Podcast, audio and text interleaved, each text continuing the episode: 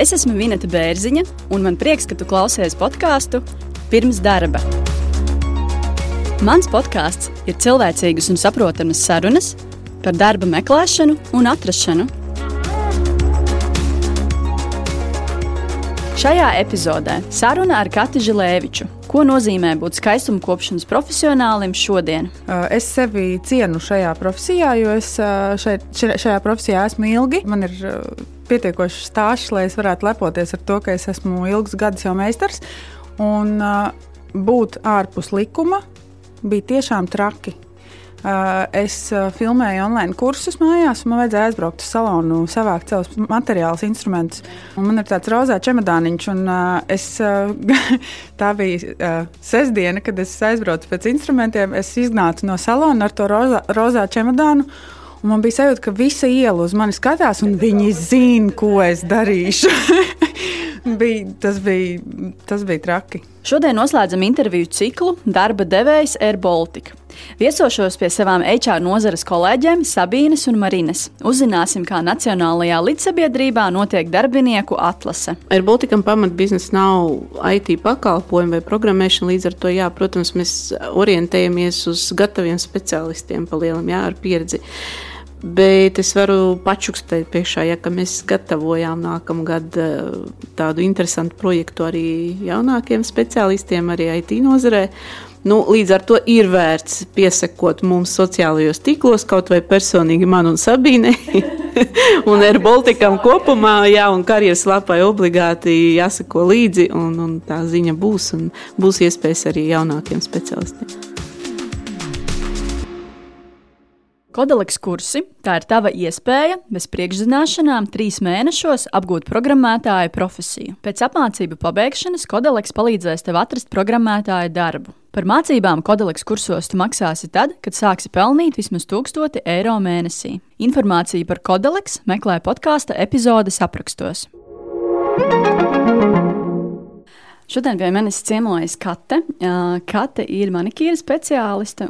Vispār ļoti interesanti tas, ka pēkšņi šī profesija, manikīra speciālists, ir, ir kļuvis, teiksim, nokļuvis teiksim, tā uzmanības centrā šobrīd. Un es gribētu jā, aprunāties ar Kati un varbūt saprast un uzzināt vairāk par šo profesiju, profesijas ikdienu, un arī aprunāties varbūt par ierobežojumiem saistībā ar Covid. Varbūt, lai klausītāju nemulsinātu, intervija tika ierakstīta 2. decembrī. Sveika, Kate! Paldies, ka piekriti aprunāties. Sveika! Nav par ko.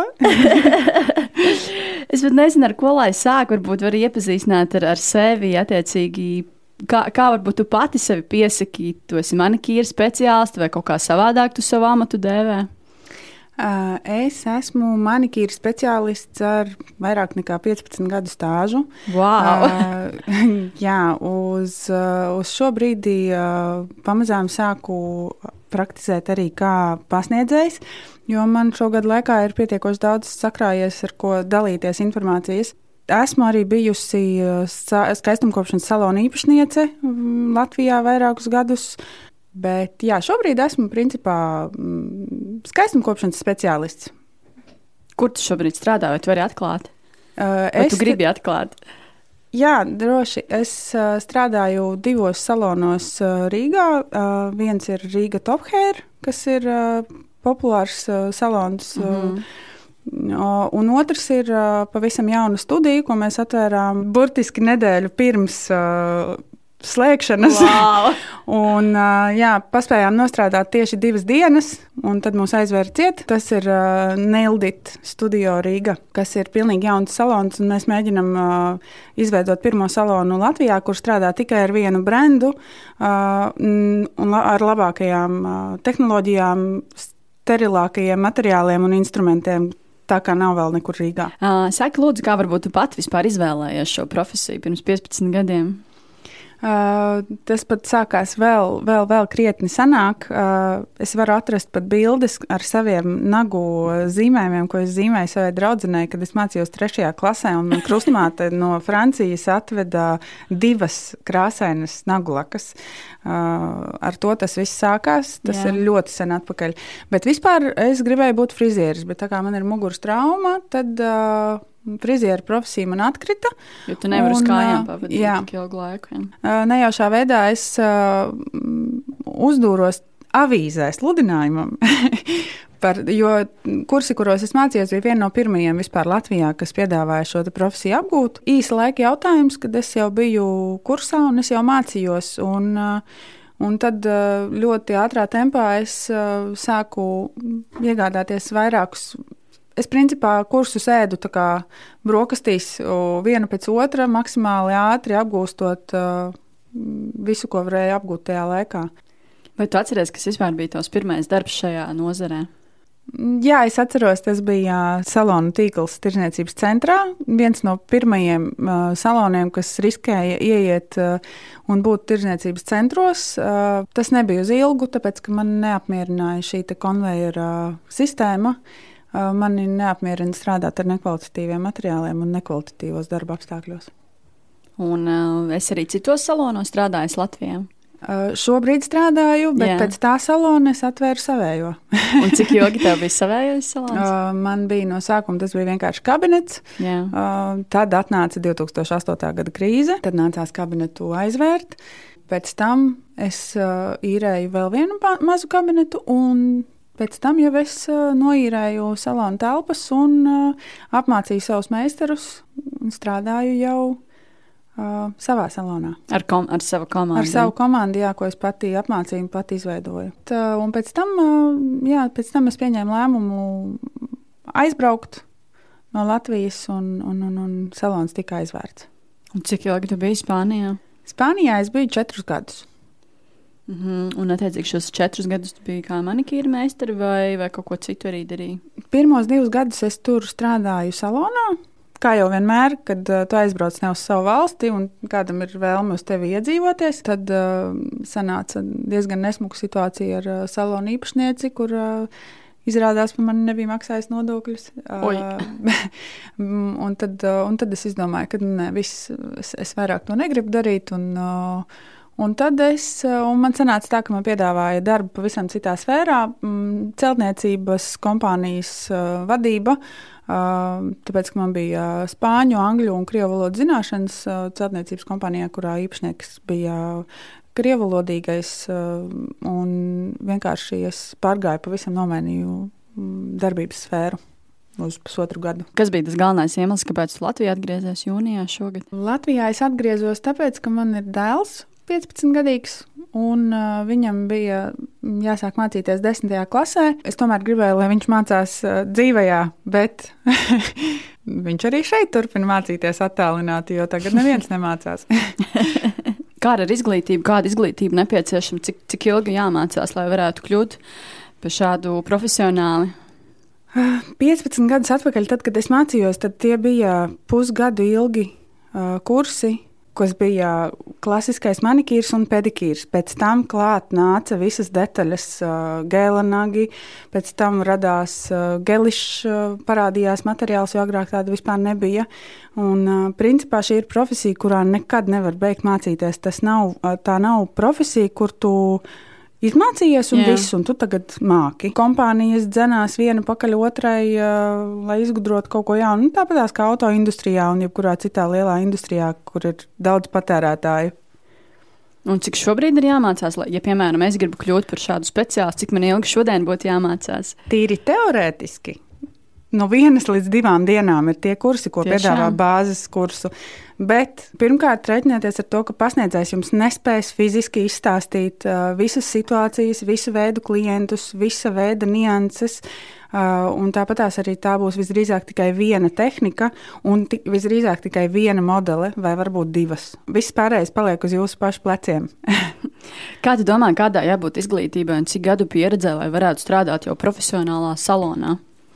Uh, ir ļoti atkarīgs no tā, uh, kāda ir bāze, teiksim, tā, kāds ir izējuma materiāls. Jo ir, uh, ir meitenes, uh, kuras atnāk uz bāzes kursu, un viņas principā pēc, pēc tām divām dienām ir gatava jau. Uh, viņa saprot, viņai ir rokā dots tas, uh, viņa jūt, uh, viņa jūt klientu, viņa nav, uh, viņu tas nebiedē. Uh, un viņa, nu, principā, nu, es teiktu, ka nu, pēc trim mēnešiem tādas intensīvas prakses viņi varētu sākt strādāt salonā. Bet ir arī gadījumi, protams, ka tas ir līdz pat gadam, kamēr, jo ir meitenes, kas vienkārši baidās no klienta, baidās no tās sprites. Vai, nu, ja tā var teikt, nu, ir medmāsiņas arī, kas viņai ir jāsaņemās, lai to pirmo dūrienu, tad, pat cik manikīrs arī tomēr ir ar, gan ar asiem instrumentiem, gan ar, gan ar instrumentiem, ar kuriem tu vari satraumēt klientu.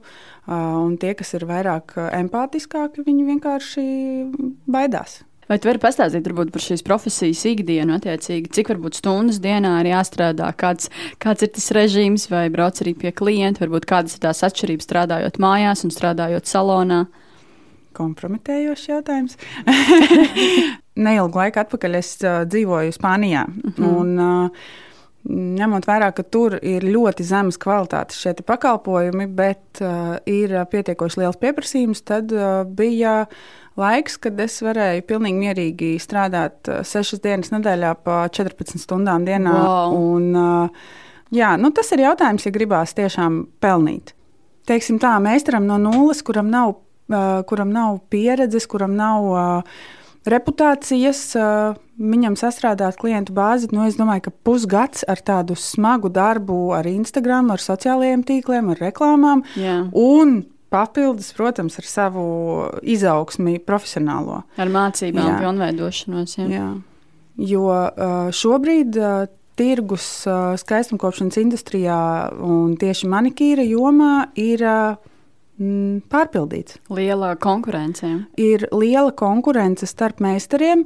Latvijā ir ļoti augsta kvalitāte šiem pakalpojumiem, salīdzinoši ar visu pārējo Eiropu. Baltijas meistari un Krievijas un Ukrainas meistari tie ir tie meistari, kas ir pieprasīti visā Eiropā, jo mūsu kvalitāte nav salīdzināma ne ar Vāciju, ne ar Spāniju, ne ar Angliju, ne ar Ameriku, ne ar kurieni. Kāpēc tā? Tāpēc, kad mēs esam prasīgi, Mēs mākam prasīt, mēs mākam sniegt kvalitāti, un mēs novērtējam darbu, kuru mēs veicam, par kuru mēs saņemam naudu.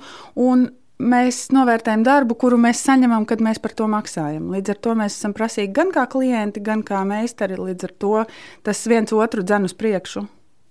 Tu minēji, ka Spānija attiecīgi var pelnīt ar šo naudu, pelnīt ar šo kā, naudu attiecīgi iztikai. Kā ir Latvijā, var šo var arī nopelnīt, lai, lai labi dzīvotu?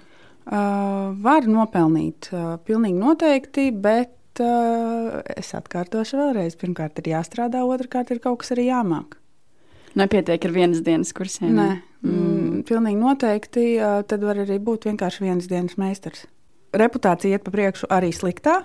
Jā. Un uh, Rīga ir maziņa, teiksim, ja tā ir Rīga. Attiecīgi, ja tā ir vēl mazāka pilsēta, tad tas ir vēl attiecīgi saspiestāk un viens nepareizs grieziens, un viss, un visi par tevi zinās. No, nu, apmēram. Tad es saprotu, ka jābūt ļoti uzmanīgam šajā darbā. Jā, šī ir atbildīga profesija. Pirmkārt, tāpēc, ka uh, tas ir dzīves cilvēks. Otrakārt, tāpēc, ka uh, Jā, 21. gadsimts un slimības ir mums apkārt, visur un visādas. Tāpēc ļoti, ļoti aicinu visus, kas klausās, gan kam interesē šī profesija, gan kam, kas ir vienkārši klienti, ļoti mm, vērojiet, skatieties un ņemiet vērā to, kā tiek sagatavoti instrumenti, ar kuriem tiks veikta jūsu procedūra, jo šobrīd tā ir lielākā problēma valstī. Vai es pareizi saprotu, ka pastāv liela iespēja, ka tie, varbūt, kur strādā mājās, neveic šīs visas uh, dezinfekcijas un, un, un tam līdzīgas procedūras? Vienīgais uh, no aparātiem, kurā var veikt simtprocentīgi drošu sterilizāciju, ir autoklāvs, kura izmaksas ir ap 2000. Wow. Un, uh, es stipri šaubos, vai meitenes, kuras strādā mājās, to var atļauties.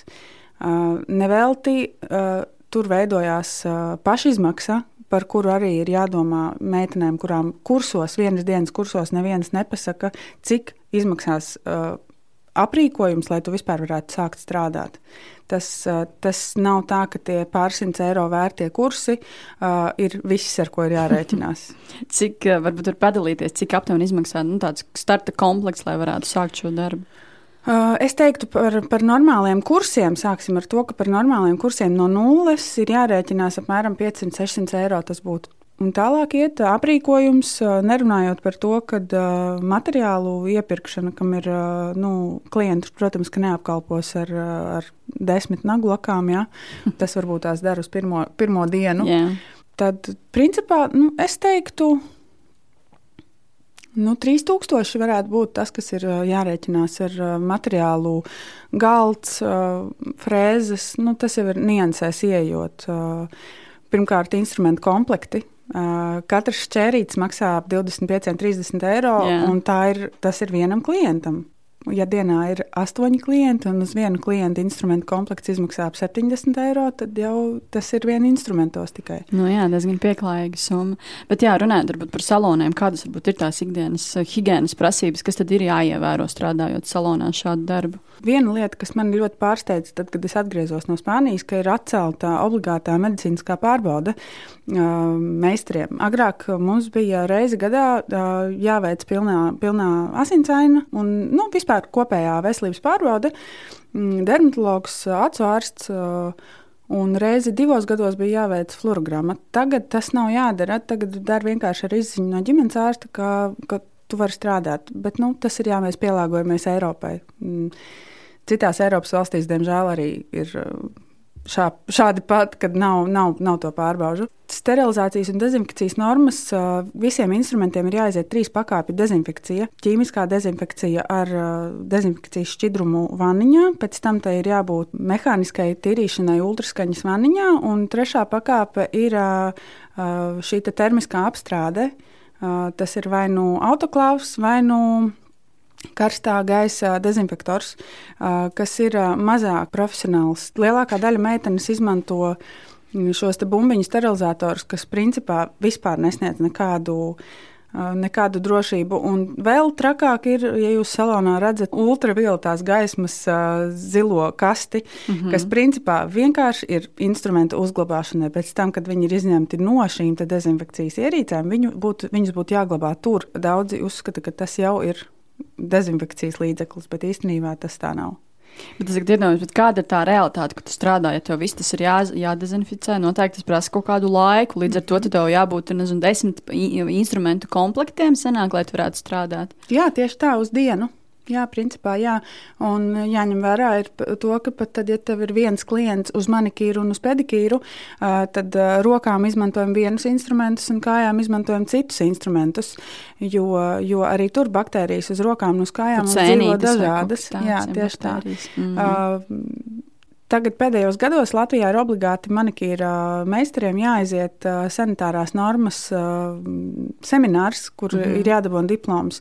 Tas ir jau ļoti, ļoti labs uzlabojums, jo tas palīdz meistariem tiešām nopietnāk pieiet šim jautājumam, jo ļoti daudzi mm, virspusēji attiecās pret šo lietu. Vienreizēji izēja materiāli, kas ir uh, vīlītes, uh, kaut kādi vēl instrumenti, viņus nevar vienkārši nodezinficēt. Ja tā iedziļinās, tad kā tu to švamīti nodezinficēs? Tur viss salien iekšā. Jā. Uh, ja tu viņu ieliks ūdenī, viņa izšķīdīs un atlīmēsies atkal. Uh, tā tad meistari to nedara.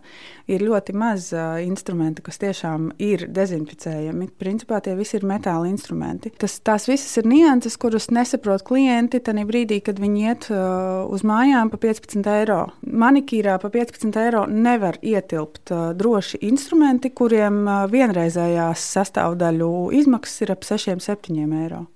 Tik ļoti interesanti. Paldies, ka dalījies ar šo informāciju. Es, es, jā, es, es arī nezināju.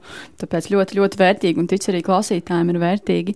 Bet runājot jā, par šīm darba stundām, cik varbūt tu pati dienā strādā stundas? Šobrīd, atgriežoties Latvijā, mana darba diena ir principā no 8 rītā līdz 8 vakarā, bet pa dienu Es cenšos likt vismaz vienu stundas pauzi, vai varbūt tās vairākas pa pusstundai.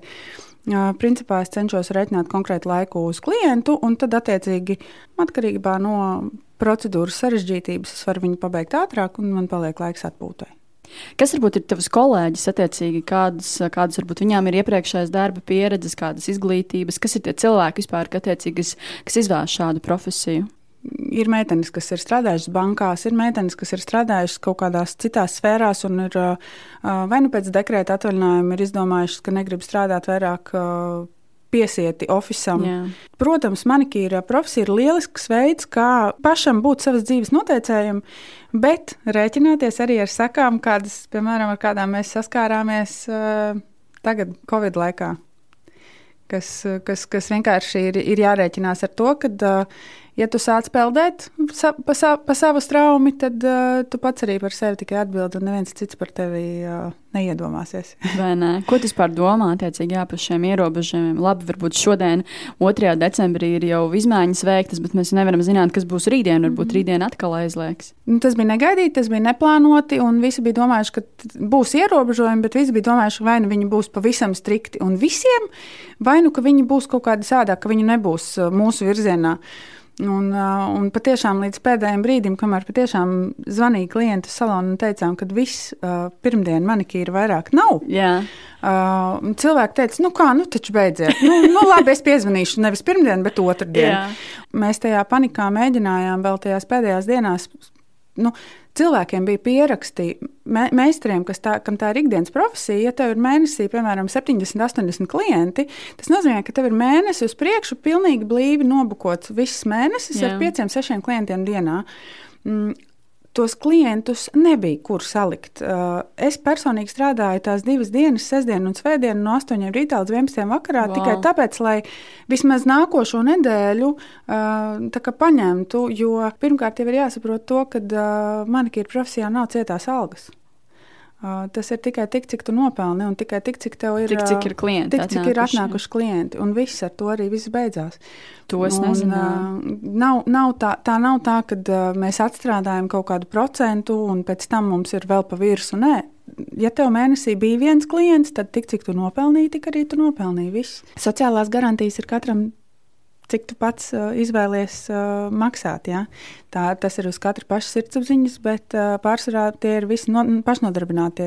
Bet ņemot vērā, jau arī klausoties tevi, cik šīs profesijas pārstāvjiem attiecīgi jāievēro visi šie higiēnas noteikumi, varbūt salīdzinot ar frizieriem, uh, frizieri neveic visus šos, te, nu, varbūt tik ļoti stingrus šos te, um, higiēnas uh, noteikumus. Kā tavuprāt šis lēmums attiecīgi, kā viņš tika pamatots, vai tu tam piekrīti vai absolūti nepiekrīti? Kāds ir tavs viedoklis? Es uzskatu, ka lēmums tika pieņemts absolūti vispār neapdomāti.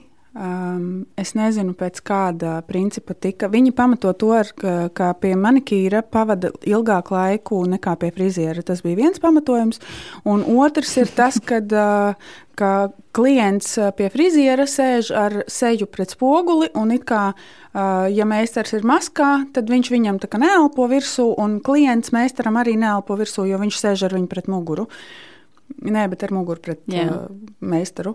Uh, bet uh, tad rodas jautājums, kur paliek matu krāsošanas četru stundu garumā. Uh, nu, es neesmu redzējis principā nevienu salonu, kurā manikīrs tiktu veikts trīs stundas. Un tāpat tās, ja viņu iebildumi par to, ka maska palīdz uz 15 minūtēm, tad uh, es neesmu redzējis nevienu frizieri, kurš nogrieztu matus 15 minūšu laikā. Tas nav iespējams. Piekrīt, jā. Līdz ar to, ja mums vēl bija iespējas, kad manikīra galdiem varēja uzlikt šīs norobežojušās sienas pa vidu, tad frizieriem šāda opcija nav vispār. Mm. Vai, teiksim, bārberiem, kas ir bārdas frizieri, interesanti, kā viņu klienti maskās bija. Tas tāds, nu. par ko padomāt. Bet ko varbūt esi dzirdējis no savām kolēģiem, ko viņas par to saka? Varbūt dažas jau ir domājušas, varbūt pārkvalificēties, vai, vai varbūt kādas ir gājušas jau, jau protestēt attiecīgi. Jā, mums bija protesta akcija, kas bija pagājušā pirmdiena. Mm, un visdrīzāk, kad pateicoties meitenēm, kas piedalījās, mēs tiešām arī panācām Tikāt šo te, jā, tikām sadzirdētas, jo patiešām mēs vērsām uzmanību uz to, cik nepamatoti bija šie lēmumi un cik, cik ļoti mēs spējam attaisnot un pasargāt sevi un savus klientus, un cik droši mēs spējam strādāt. Tā kā nu, jā, ir cerība, ka tas bija tas, kas pamudināja. Uh, otra lieta, protams, noteikti bija ēna ekonomika, ko viņi noteikti nebija domājuši, ka tas uh, paraust tādu virpuli, kad uh, viņi vienkārši nespēja vairāk izkontrolēt neko. Parādījās jaunas un jaunas. Um, Publiskas personības Jā. uh, ar jaunu manikīru. Uh, Un, un, un, Droši vien pašas taisījušas. Ja? Jā, un bija skaidrs, ka uh, viss ir aizgājis vienkārši pagrīdē, bet uh, viņi nepadomāja par to, kad, uh, kas notiek ar uh, dezinfekciju un sterilitāti mājās, dzīvokļos un visādos pagrabos, kur tas tika darīts. Jā. Uh, es sevi cienu šajā profesijā, jo es uh, šeit, šajā profesijā esmu ilgi, uh, zinu savu, uh, kā man ir. Uh, Pietiekoši stāsts, lai es varētu lepoties ar to, ka es esmu ilgus gadus jau meistars. Un, uh, būt ārpus likuma bija tiešām traki. Uh, es uh, filmēju online kursus mājās, un man vajadzēja aizbraukt uz salonu, savākt savus materiālus, instrumentus. Yeah. Man ir tāds rozā čemodāniņš, un uh, es, tā bija sestdiena, kad es aizbraucu pēc instrumentiem. Es iznācu no salona ar to rozā, rozā čemodānu. Un man bija sajūta, ka visa iela uz mani skatās, un viņi zina, ko dari, es darīšu. bija, tas, bija, tas bija traki. Kā tu domā, kā šī krīze varbūt nākotnē ietekmēs šo profesiju? Šī krīze bija mm, tāds pamatīgs stopkrāns un atpakaļgaita tam, kas tika mm, visu šīs nozares profesionāļu rokām ilgus gadus veidots, lai dabūtu ārā klientus no meistaru dzīvokļiem, no pagrīdes iestādēm. Meistari sāka īrēt kabinetus, meistari sāka strādāt salonos, un klienti pierada nākt pie meistara uz salonu. Šobrīd valdība ar šo lēmumu pilnībā iegrūda uh, klientus atpakaļ tur, kur mēs bijām 15 gadus atpakaļ. Pelēkajā zonā. Pelēkajā tā, zonā, uh, riska, riska pakalpojumos, un tas ir tas sāpīgākais šajā visā, ko viņi neapzinās, ko viņi izdarīja. Mm -hmm. Kā domā, cik vispār reāli ir šobrīd pārkvalificēties tādām sievietēm kā tu? Pa mēnesi tā klientūra nepazūd. Viņa, viņa paliek un, un tās meistarītes turpinās strādāt, un ar viņām viss būs kārtībā. Grūtāk ir ar tiem, kam, piemēram, um, kabinetu īres īpašnieki.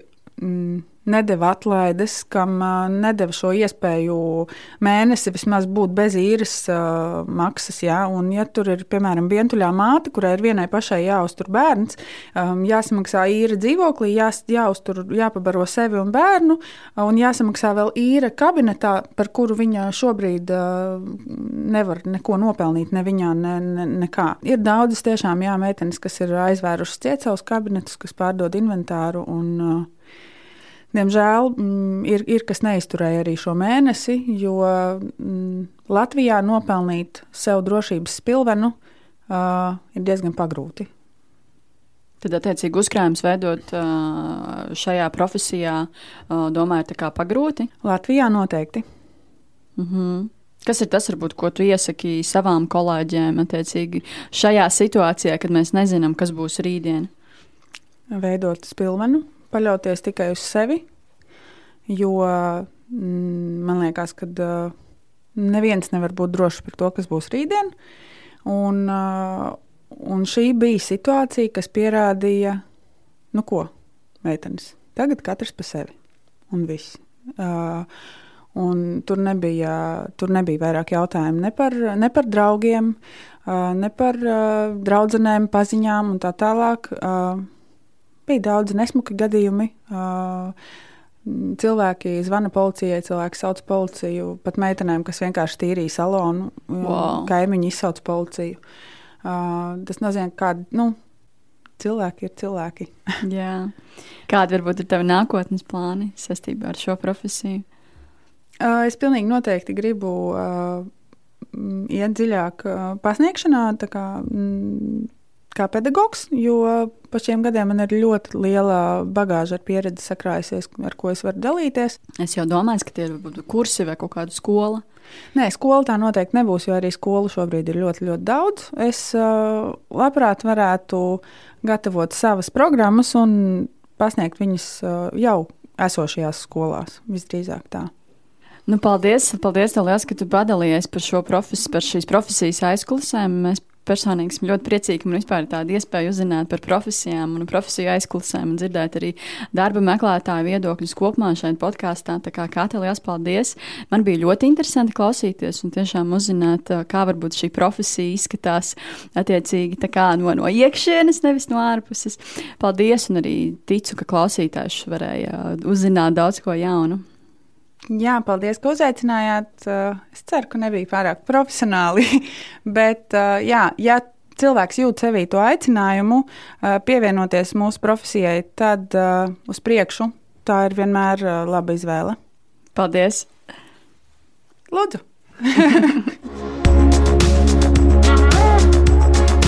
Šī podkāstu epizode ir pusē, uzpildām kafijas krūzi un turpinām sarunas. Šodien turpinām sarunas ar Baltiku. Uh, šodien ceru, ka būs varbūt tāda vairāk neformālāka saruna ar HR dāmām, ar Marīnu un Sabīni. Sveikas! Sveika! Sveicināti! Kādas jums šodien ir sajūtas, vai nav nedaudz satraukums? Uh, Man liekas, tā arī man ir personīgi tāda pirmā pieredze, jā. tāda ieraksts un podkāsts. Visticamāk, jā. Uh, pašai šobrīd ir uh, darba specifikā daudz izaicinājumu, tad es šo arī vērtēju kā tādu izaicinājumu un varbūt iziešanu ārpus komforta zonas. Jā. Un Marina?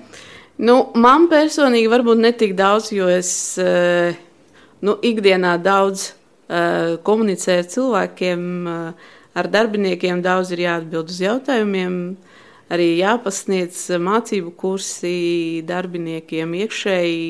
Nu, ir kaut kāda praksa jau tomēr. Bet, nu, mēģināsim, jā, redzēsim. Labi, šodien aprunāsimies par mums visiem tuvām tēmām, par HR par atlasi un par Air Baltica. Uh, bet pirms mēs sākam, varbūt varat iepazīstināt ar sevi klausītāju, pastāstīt, ko jūs darat Air Baltica, cik ilgi, kāda varbūt ir tā atbildība. Un, uh, ja, ja atminaties, kā, kā nokļuvāt Air Baltica, Sabīna, varbūt to var sākt. Uh, jā, sveiki. Tad esmu talantu piesaistes speciālists ar Baltiku. Tā mana atbildība sākas ar to, ka piedalos intervijās, atlasu IT kandidātus, atlasu zvanu centriem kandidātus, atlasu treniņu centram. Tāpat atbildībā ir uzturēt mūsu atlases sistēmu, tāpat piedalīties kopīgi ar Marinu arī mūsu karjeras lapas attīstībai. Un kā es nokļuvu ar Baltiku, būtībā tā bija man tāda atgriešanās mājās, jo pirms 13 gadiem es sāku strādāt ar Baltika lidostā, kā klienta apkalpošanas speciāliste. Tur es strādāju trīs gadus. Un, uh, pirms uh, trīs gadiem jā, mani uzrunāja Iveta, kur jā, piedāvāja šo pozīciju, atlases cilvēks. Un, pat arī gāju uz tos, arī pirms tam biju sūtījusi pieteikumus, un beidzot nostrādāja mans pieteikums. Un, uh, tiešām šī sajūta bija kā atpakaļ mājās, jo bija kolēģi gan uh, no manas pieredzes jau zināmi arī, un man bija interesanti viņus satikt, un es pati smējos viņiem saku, viņi katrs bija iebalzamēts. Jo būtībā man likās, es esmu pati palikusi jau vecāka, un es nezinu, bišķīgi nobrušājusies. bet reāli uh, paskatoties šiem cilvēkiem, kuriem strādāju, man liekas, ka viņi ir tādi izstāsti, kādi viņi bija. Nu, vienīgais, tas, protams, varbūt viņu attīstība ir, viņi nokļuvuši citā departamentā. Un, uh, un pati vēl aizvien es jūtu, ka es esmu šajās mājās. Man liekas, ka šī ir īstā vieta, kur var arī augt, attīstīties. Arī, un pašai priekš sevis man ir tāds tā žetons, ka es jūtos tiešām ērti šeit un ir tiešām šie izaicinājumi. Katru dienu jūtos to attīstību sevi tikai vairāk un vairāk. Varbūt tu atminies, cik tev bija uh, interviju, lai, lai nokļūtu šajā mm, pozīcijā, kur tu šobrīd esi? Uh, man bija trīs intervijas. Pirmā man bija ar uh, atlases vadītāju Ivetu, kā jau minēju, un tad otrā bija ar uh, biznesa partneriem un šo pašu Ivetu, atlases vadītāju, un trešā jau bija ar viceprezidenti wow. personāla daļas. Tur arī nedaudz smieklīgs stāsts, jo sākumā es to pēdējo interviju gāju. Es domāju, nu tur būs komisija ar septiņiem cilvēkiem, bija sagatavojusi ļoti lielu runu, jā, un, un tad es aizgāju šī pēdējā saruna bija ļoti jauka un uh, sirsnīga arī. Un dzērām kafiju un tēju ar, ar mūsu vadītāju. Man liekas, es gribu vēl vairāk šeit nokļūt. Mm -hmm. Man liekas, tik lieliski ir šī viceprezidenta, ka man vienkārši jau prasās rītdien jau sākt strādāt. Tā kā jā, bija trīs tādi atlases cikli. Marina, kāds ir tavs stāsts? Nu, mans stāsts ir tāds, ka Airbaltikai strādāju čet, četrus ar pus gadus, eh, šobrīd jau no 2016. gada. Un um, sāku es kā HR biznesa partnere, un no pagājušā gada, no, no pagājušā gada sākumā esmu um, arī um, atlases komandas vadītāja un um, uh, projektu vadītāja HR departamentā. Kā biznesa partnere es esmu tāds strateģiskais un operacionālais atbalsts tieši komercfunkcijām, biznesa IT, atbalsta funkcijām, administratīvajām funkcijām, palielām. Tie ir vidēji ap 300 cilvēkiem, kas atrodas galvenajā ēkā, oficiālā tā saucamajā. Kāds bija atlases konkurss, lai tu nokļūtu šeit? Um, nu, nopietnas konkurss bija. Amats, Vairāk nekā apats, trīs intervijas. Amats nopietns. Uh, bija trīs, Aha. bija trīs, jā, bet um, nu, tās, teiksim, to posmu un interviju saturs varbūt bija tāds uh, brīžiem nopietnāks, sarežģītāks nekā tur, teiksim, uz speciālistu līmeņa amatiem.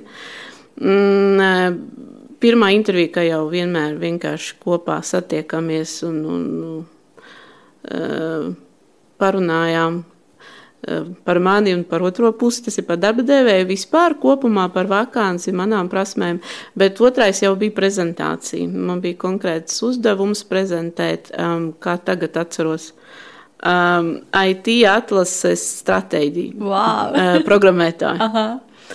Un jāsaka, ka līdz tam es strādāju ar uh, IT personāla atlasi un, un kā HR vadītāja arī ar tādu departamentu biznesā. Nu, bet, teiksim, tādā plašā mērogā līdz tam pieredzi īsti nebija tieši ar IT personālu. Bet tās zināšanas, kas bija, jau palīdzēja. Līdz ar to es prezentēju savu vīziju, kā mēs varētu atlasīt, un meklēt un attīstīt šos darbiniekus biznesam. Nu, un trešā bija tā pati ar uh, HR eh, departamenta vadītāju, toreiz bija senior viceprezidenta, vecākā uh, viceprezidenta. Nu, un, un tā arī pēc tam nāca lēmums, ka esmu pieņemta. Super. Jā. Dāmas, pastāstiet varbūt par Jeruzalem challenge. O, jā. Mēs ar Sabīnu bijām uh, tās nedaudzās no HR departamenta, kuras arī piedalījās un Jā. dejoja. Um, nu, man pašai pirmām kārtām tieši pievēršoties vairāk HR mārketingam jau kādu laiku, jā, man aktivitātes un, un mūsu mm, esamība sociālajos tīklos arī kā atlases komandai ir tāds viens no Eh, svarīgajiem darbiem, ko mēs ap, absolūti brīžiem apzināti darām, un ir sava stratēģija, kā un ko mēs darām sakarā to. Un otrs ir tas, ka teiksim, man pašai personīgi ļoti, ļoti tūs hobijs, dēļas. Tad, kad es ieraudzīju, ka Rīgas lidosta mūs izaicina, sociālajos tīklos. Es, protams, mudināju arī savas, savas meitenes kolēģis piedalīties. Bet bija diezgan liels skaits arī citu departamentu darbinieki, kuri piedalījās. Un, mēs ar prieku nodējojām, cik tur divas stundas. Divas stundas. Jā, ārā bija pavēsts diezgan jau tāds vējiņš, nu kā jau rudenī. Bet nu, mēs bijām tik daudz pozitīvu emociju guvuši, kad eh, tā baigi nemanījām. Līdz ar to tāds Jeruzalemes challenge, man liekas, tas arī tāds varbūt nosnāv varbūt no darba rutīnas, un man liekas, arī tie soļi arī varbūt nebija tik sarežģīti arī, un nu, līdz ar to tā kā paņēma mūs visus, man liekas, un mēs visi iekšā gribējās jau, man liekas, jau beigās vēl dejot, gribējās kaut ko jaunu izaicinājumu, gribējās jau vairāk. Mm -hmm. Tad Sabīna ir dziedātāja un Marina dejotāja. Nu, tā mēs arī jā, darbojamies ikdienā. es dziedu un varu ansamblis. Super. Kādas varbūt vispār ir metodas, jūsuprāt, kā turpināt uzturēt komandas sajūtu, komandas garu? Kā Covid ietekmēs IT nodaļu, te jau dzirdēju no kolēģiem IT nodaļās, bet kā varbūt Covid ir ietekmējis tieši jūsu HR nodaļu, kas, kādas ir jūsu, kādas varbūt ir izmaiņas jūsu komandā un kas varbūt ir kaut kādi jauninājumi, ko jūs esat ieviesuši. Un, un, un, es ticu, ka darba ir daudz, jo arī man ir darba daudz. Bija arī tāds teiksim, grūtāks brīdis pašā sākumā, Jo pirmais, ko teiksim, no saviem procesiem mēs pilnībā apturējām, bija atlase jauno darbinieku. Un līdz ar to mums nācās teiksim, atvadīties no visas atlases komandas, tā skaitā arī no Sabīnas. Bet Sabīna ir šeit. Jā, un par to ir man liels prieks, jo Jā. pamazām teiksim, atjaunojot operacionālo darbību, mēs sākam arī atlasīt darbiniekus. Varbūt absolūti ne tādā apjomā, kā tas bija pirms krīzes, Bet ir kaut kādi procesi, kurus mēs gribam uzlabot pa šo laiku un, un pārskatīt. Līdz ar to mēs atlasām, piemēram, IT departamentā um, palīgus, jaunu spēku, kas mums varētu tajā palīdzēt. Un, kur ir atlase, tur ir vajadzīgs arī uh, palīgs uh, tieši atlasē. Līdz ar to Sabīne ir pirmā no tās komandas, kur ar mums atkal kopā. Kā ar kaut kādiem izaicinājumiem jūsu komandā, ko Covid ir ietekmējis? Nu, ietekmējis to pašu darbu saturu. Protams, tas, ko mēs darījām pirms krīzes, un ko mēs darām šobrīd, ir pamainījies tās prioritātes un tā pati stratēģija. Tas, nu, teiksim, to, to visu krīzes vadību varē, varētu sadalīt vairākos posmos. Tad, kad bija sākums, tad tur bija teiksim, strateģiski viena prioritāte, um, teiksim, nostabilizēt uzņēmumu noturēties vienkāršā valodā runājot. Un tad tur bija primāri vieni uzdevumi priekšējā departamenta, bija diezgan grūts, arī psiholoģiski grūts laiks. Cita lieta ir tāda, ka tā ir, tā ir daļa no mūsu pienākumiem, mm -hmm. kad mums ir arī jāatvadās no kāda no darbiniekiem. Līdz ar to bija grūti, bet nu, kas bija jāizdara, tā, tas arī to mēs darījām. Šobrīd mums atkal ir tā fāze, tāda, kad mēs pārskatām. Mēs daudz ko pārskatām, procesus, kādas lietas mēģinām darīt pa jaunam, atskatoties uz to, kā mainās pasaulē un biznesa vide. Līdz ar to tās izmaiņas tieši vairāk tādas, ka mums ir nu, tie darba pienākumi pamainījušies pret to gada stratēģiju, kuru mēs gada sākumā plānojam uz šo gadu, ko mēs darīsim un cik daudz cilvēkus mēs atlasīsim. Un, un, un ko mēs darīsim. Tā tad jāpielāgojas visiem pārmaiņām šobrīd. Tieši tā, to mēs arī darām. Sabīna, varbūt tu vari pastāstīt, kādas ir darbinieku priekšrocības strādājot ar Baltiku? Uh, Nu, principā tas ir vienmēr tas, ko es arī izsaku darbiniekiem, piedāvājam arī klāstu. Arī, bet nu, sāksim ar to, ka aviācija vispār tā ir unikāla nozare. Latvijā varbūt to var arī reti sastapt. Arī šajā gadījumā tā ir viena no tādām priekšrocībām arī par šīm IT pozīcijām runājot. Jo, kā jau Marina teica, ir reāli ir IT uzņēmumi, bet mūsu uzņēmums ir varbūt tāds arī IT zinātne, varētu to mm -hmm. nosaukt. Jo aviācija ir spektrs, varbūt, kur katrs IT cilvēks nav strādājis. Nākamais tā būtu šī dinamika. Dinamika tādā ziņā, ka katru dienu mēs ceļamies un ejam uz darbu, un katru dienu ir kā jauna lapa, un arī jauni izaicinājumi, arī un jauni projekti, un arī šajā pašajā IT virzienā tur arī ir projektu automatizācijas, un viņiem jāpielāgojas esošajai situācijai. Tāpat arī manā lauciņā ir katru dienu arī mēs kopā ar Marinu, ejam uz to, lai attīstītu varbūt šos atli, at, nu, atlases procesus arī, arī tur ir vērojams tas, ka ir šie izaicinājumi un arī ir izaugsme. Un, un uh, trešais varētu būt tas, ka ir šī aviācijas. Uh, tā teikt, bonusi, kas varbūt piešķir šiem darbiniekiem tādus uh, labākas cenas, varbūt lidot ne tikai par eiro, bet arī lidot ārpus Eiropas robežām. Nu tā, tas varbūt ir tas portfelis, jā, ar ko mēs arī izceļamies, un kas ir tas nu, komforts, un ar ko kandidātus mēs arī uzrunājam. Kaspars intervijā minēja, ka viņam patīk ceļot, un viņš arī izmanto šo iespēju. Kā ar tevi, Sabīne, vai, vai tev vispār patīk ceļot, un vai tu izmanto šo Air Baltica priekšrocību? Ceļot man būtībā ļoti patīk, bet teikšu atklāti, man patīk labāk ceļot pa Latvijas laukiem un mežiem ar mašīnu. Un, līdz ar to, līdz ar to tad, man, es labprāt aizlidot uz ASV, un Austrāliju un Āfriku, bet tas viss noslēdzās ar pacelšanos lidmašīnas, kuras laikā es mm, citreiz tā, kad noskaitu tēvu reizi, jo ir tā, ka man ļoti patīk nosēšanās procesi, bet pašai tur augšā es nekad mūžā nevarētu būt par stjorti, kaut gan citr, citreiz saku, strādāju ar Baltiku, cits saka, nu tu stjorti esi, es saku, nē, ja es būtu stjorti, manuprāt, mēs ātri vien nosēstos un visi būtu ar panikas laiku. Līdz ar to man ceļošanas prieks ir viennozīmīgi un patīk. Es bijusi Romā un Barcelonā un uh, Parīzē, un es ļoti esmu iedvesmojies no šiem lido, no ceļojumiem, bet uh, pati lidošana, ka tā, tā man bišķīt ir tās zobu sāpes. Nu, man ir līdzīgi. Man laikam ir tā, ka es jā, varētu aizbraukt uz Ameriku un, un, un Japānu, ja tur varētu teleportēties. Piekrītu tev. Varbūt nākotnē, zin, ka robotizācija jau arī nav tik tālu iespējams. jā. Marina, kā ar tevi, vai tev patīk ceļot? Nu, man, man ļoti patīk ceļot, arī, arī lidot. Es varu, uh, un uh, vispār, ja godīgi, es pati esmu ļoti daudz šobrīd izmantojis ja to, teiksim, aviācijas nozares tās priekšrocības, uh, to darbinieku programmu, ja, kad uh, mēs varam uh, lidot, teiksim, speciālām cenām darbiniekiem. Tieši aviācijas industrijā tas nav tikai ar Baltiku darbiniekiem, tas ir visā pasaulē. Ir tāds, tā, teiksim, tāda vienošanās starp avio kompānijām un tāda programma. Labi, parunāsim arī par atlasi. Gribu jautāt, vai, vai jūs izmantojat, vai jūs uzrunājat paši kandidātus, vai gaidat, kad iekritīs CV? Nu, šo, šī brīža situācija, manuprāt, ir pati arī Vineta apzinās, ir mainījusies.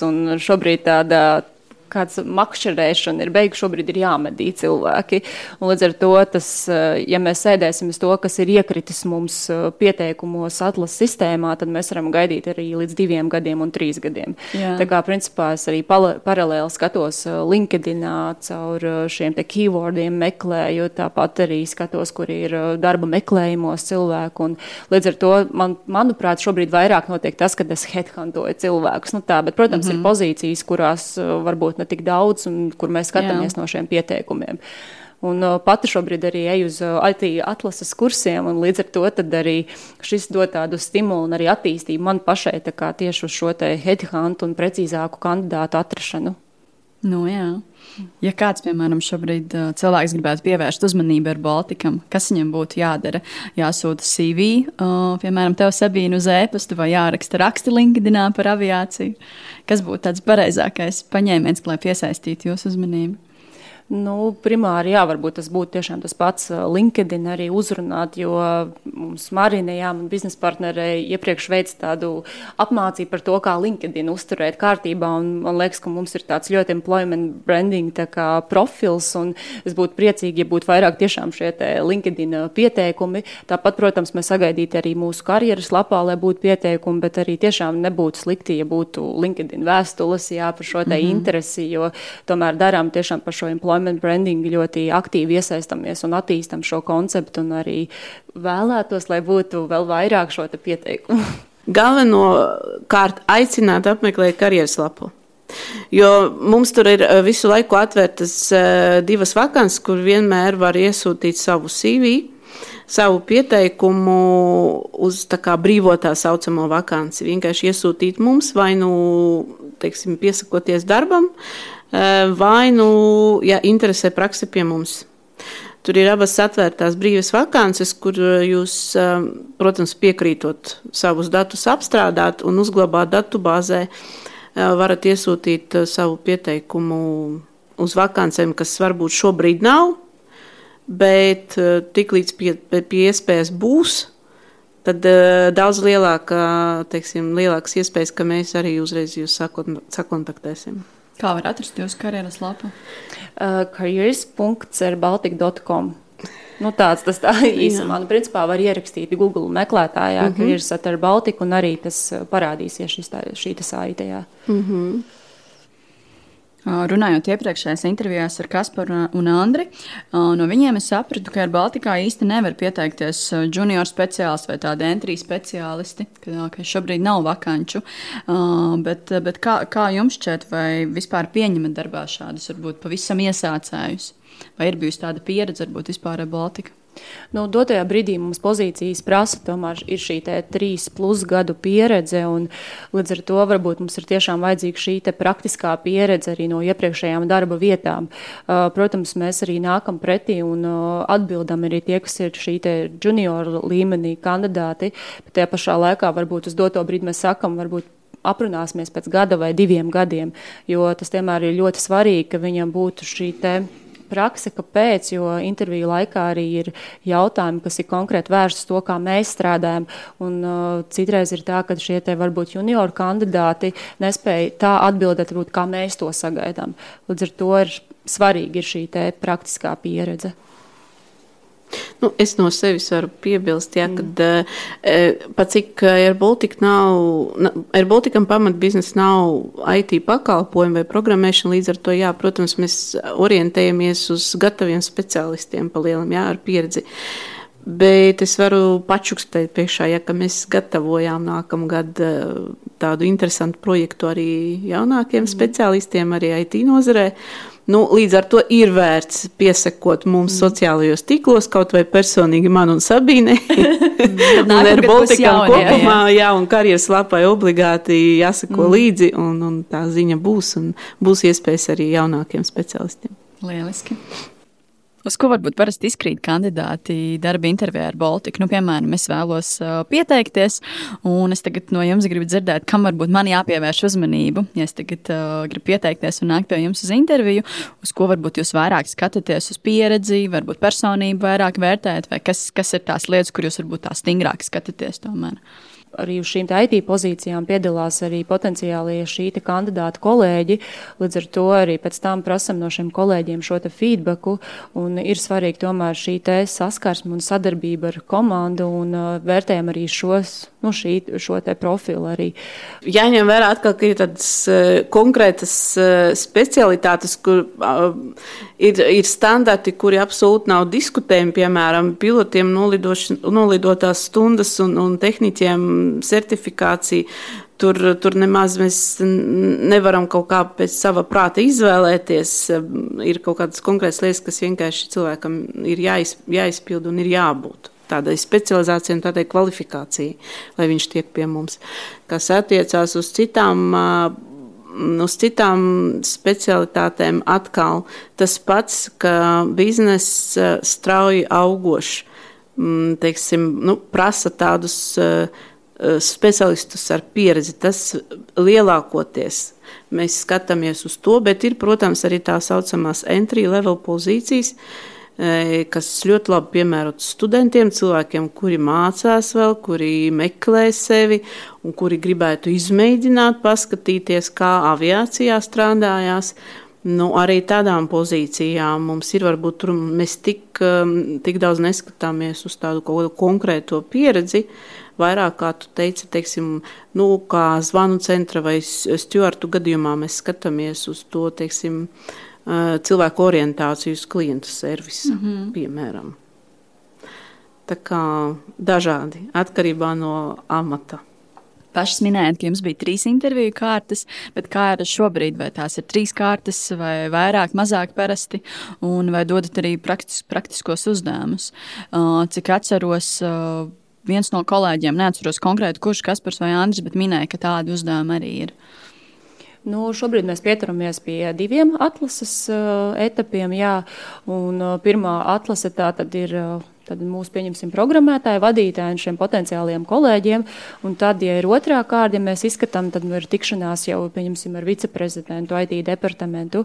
Un uh, par tehniskajiem uzdevumiem tos mēs dodam uh, tajā momentā, kad varbūt mums ir šaubas par kādu no kompetencēm šim kandidātam, un līdz ar to mēs viņam nosūtām uz mājām uz šo nedēļas laikā aizpildīt uzdevumu. Nu, tā šobrīd pārsvarā ir šis modelis. Mm -hmm. Ir arī tādas, pieņemsim, varbūt, kā Marina saka, entry level level pozīcijas, kur kādreiz arī varbūt ir šī viena kārta, un tad mēs iedodam arī šos te testiņus, un pēc šīs kārtas jau konstatējam faktu, vai ir šis kandidāts mums atbilstošs vai nav.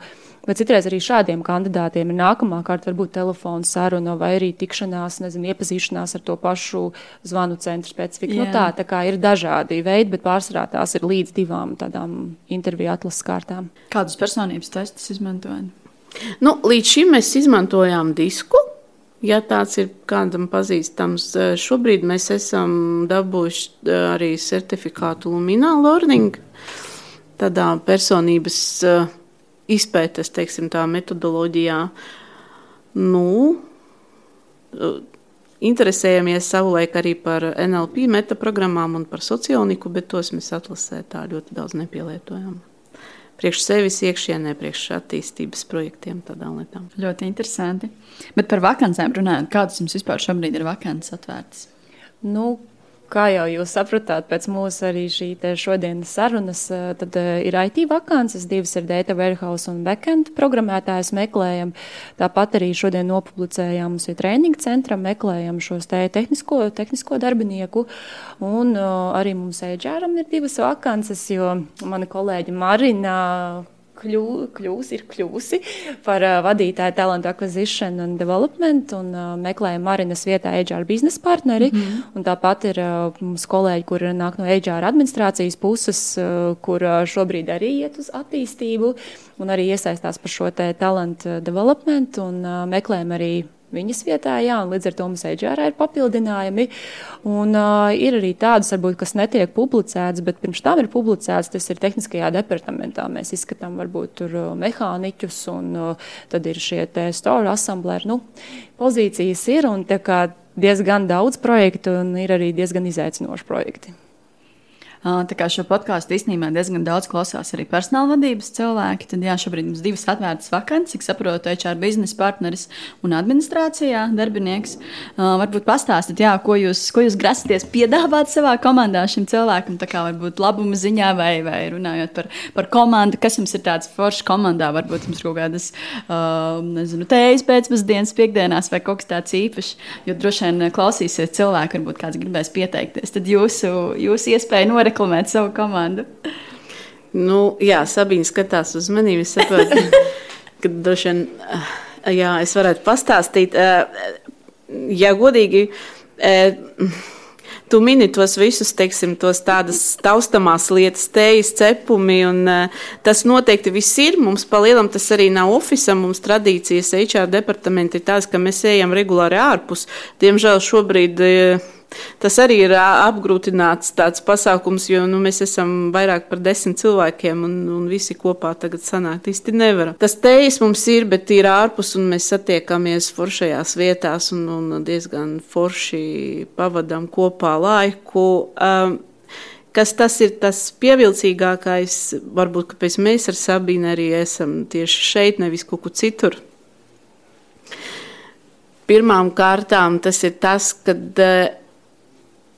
mm, tā dinamika biznesa, īpaši tajā izaugsmes fāzē, kura mums bija pirms Covid krīzes, uh, iedot tādu, teiksim, nu, tādu tempu darba, uh, kad nu, teikt, ka nekad nav garlaicīgi, droši vien izklausīsies ļoti banāli, jebkurš varētu tā pa savu darbu pateikt, protams. Uh, Bet tas ir nu, visburtiskākajā nozīmē. Pie tām tā nozara ir tik specifiska mazam tirgum, mazajā valstī, kur mums nu, nav tik daudz avio kompāniju. Tā, kā, nu, tā ir unikālā pieredze pirmām kārtām strādāt ar kaut ko tādu, ar tādiem procesiem, ar, un, un iedziļināties, kā tas notiek, kā šīs biznesa, aviācijas biznesa strādā. Pirms tam es pati esmu strādājusi bankā, nu, bankas mums ir nu, vairākas pie tām tādas, kuras ir ievērojamas un, nu, teiksim, var pasmelties vairākās vietās to pieredzi. Šeit ir tāda unikāla iespēja. Tas ir viens otrs tieši par HR komandu, kā es saku. Es nezinu, vai latviski tā, tā saka, teiksim, tādas ļoti ļoti tādas pareizi ielādētas visas meitenes, kuras, teiksim, nu, Es negribu teikt, ka mēs daudz strādājam ārpus darba laika, bet mums, eh, mēs nu, nu uz to pulksteni neskatāmies. Visas absolūti vairāk par desmit cilvēkiem. Visi ir nu, neatdala to darbu no savas dzīves. Tā ir mūsu dzīve. Mēs esam aizraujušies, nepajokām ar to, ko mēs darām. Un tas, es domāju, ielādē arī visas, kas nāk komandā. Mēs, nu, tur vienkārši nevar palikt vienaldzīgs. Tas ir tas. Un tie visi bonusi, kas nāk parasti klāt, visi mums ir veselības apdrošināšanas un pat uh, garīgas veselības, mentālas veselības speciālisti. Un, un kopā mēs piedalāmies projektos tik līdz var padējot pasportot. Mēs visur esam pirmās, un, un mums ir um, daudz interesantu piedāvājumu darbiniekiem, no sadarbības partneriem. Es domāju, ka daudzos citos uzņēmumos, protams, arī nu, tā iespēja ceļot, kuru mēs visi gaidām atpakaļ. Paldies, Marina un Sabīna. Bija forši ar jums aprunāties. Es novēlu jums atrast īstos darbiniekus un it īpaši īstos darbiniekus savā komandā. Paldies, paldies nāciet. Jā, gaidām. Pievienojieties. Jā. Labi, jauka vakar Jā. Paldies. Paldies. paldies. Jūs noklausījāties podkāstu pirms darba. Katru otrdienu es publicēšu jaunu epizodi. Lai nepalaistu to garām, sadraudzējies ar mani Apple un Google podkāstu platformās un Spotify. Seko podkāstu tapšanas stāstiem Facebook un Instagram. Raksti komentārus, iesaki sarunu tēmas, pastāsti savu darba meklēšanas stāstu. Uz sadzirdēšanos!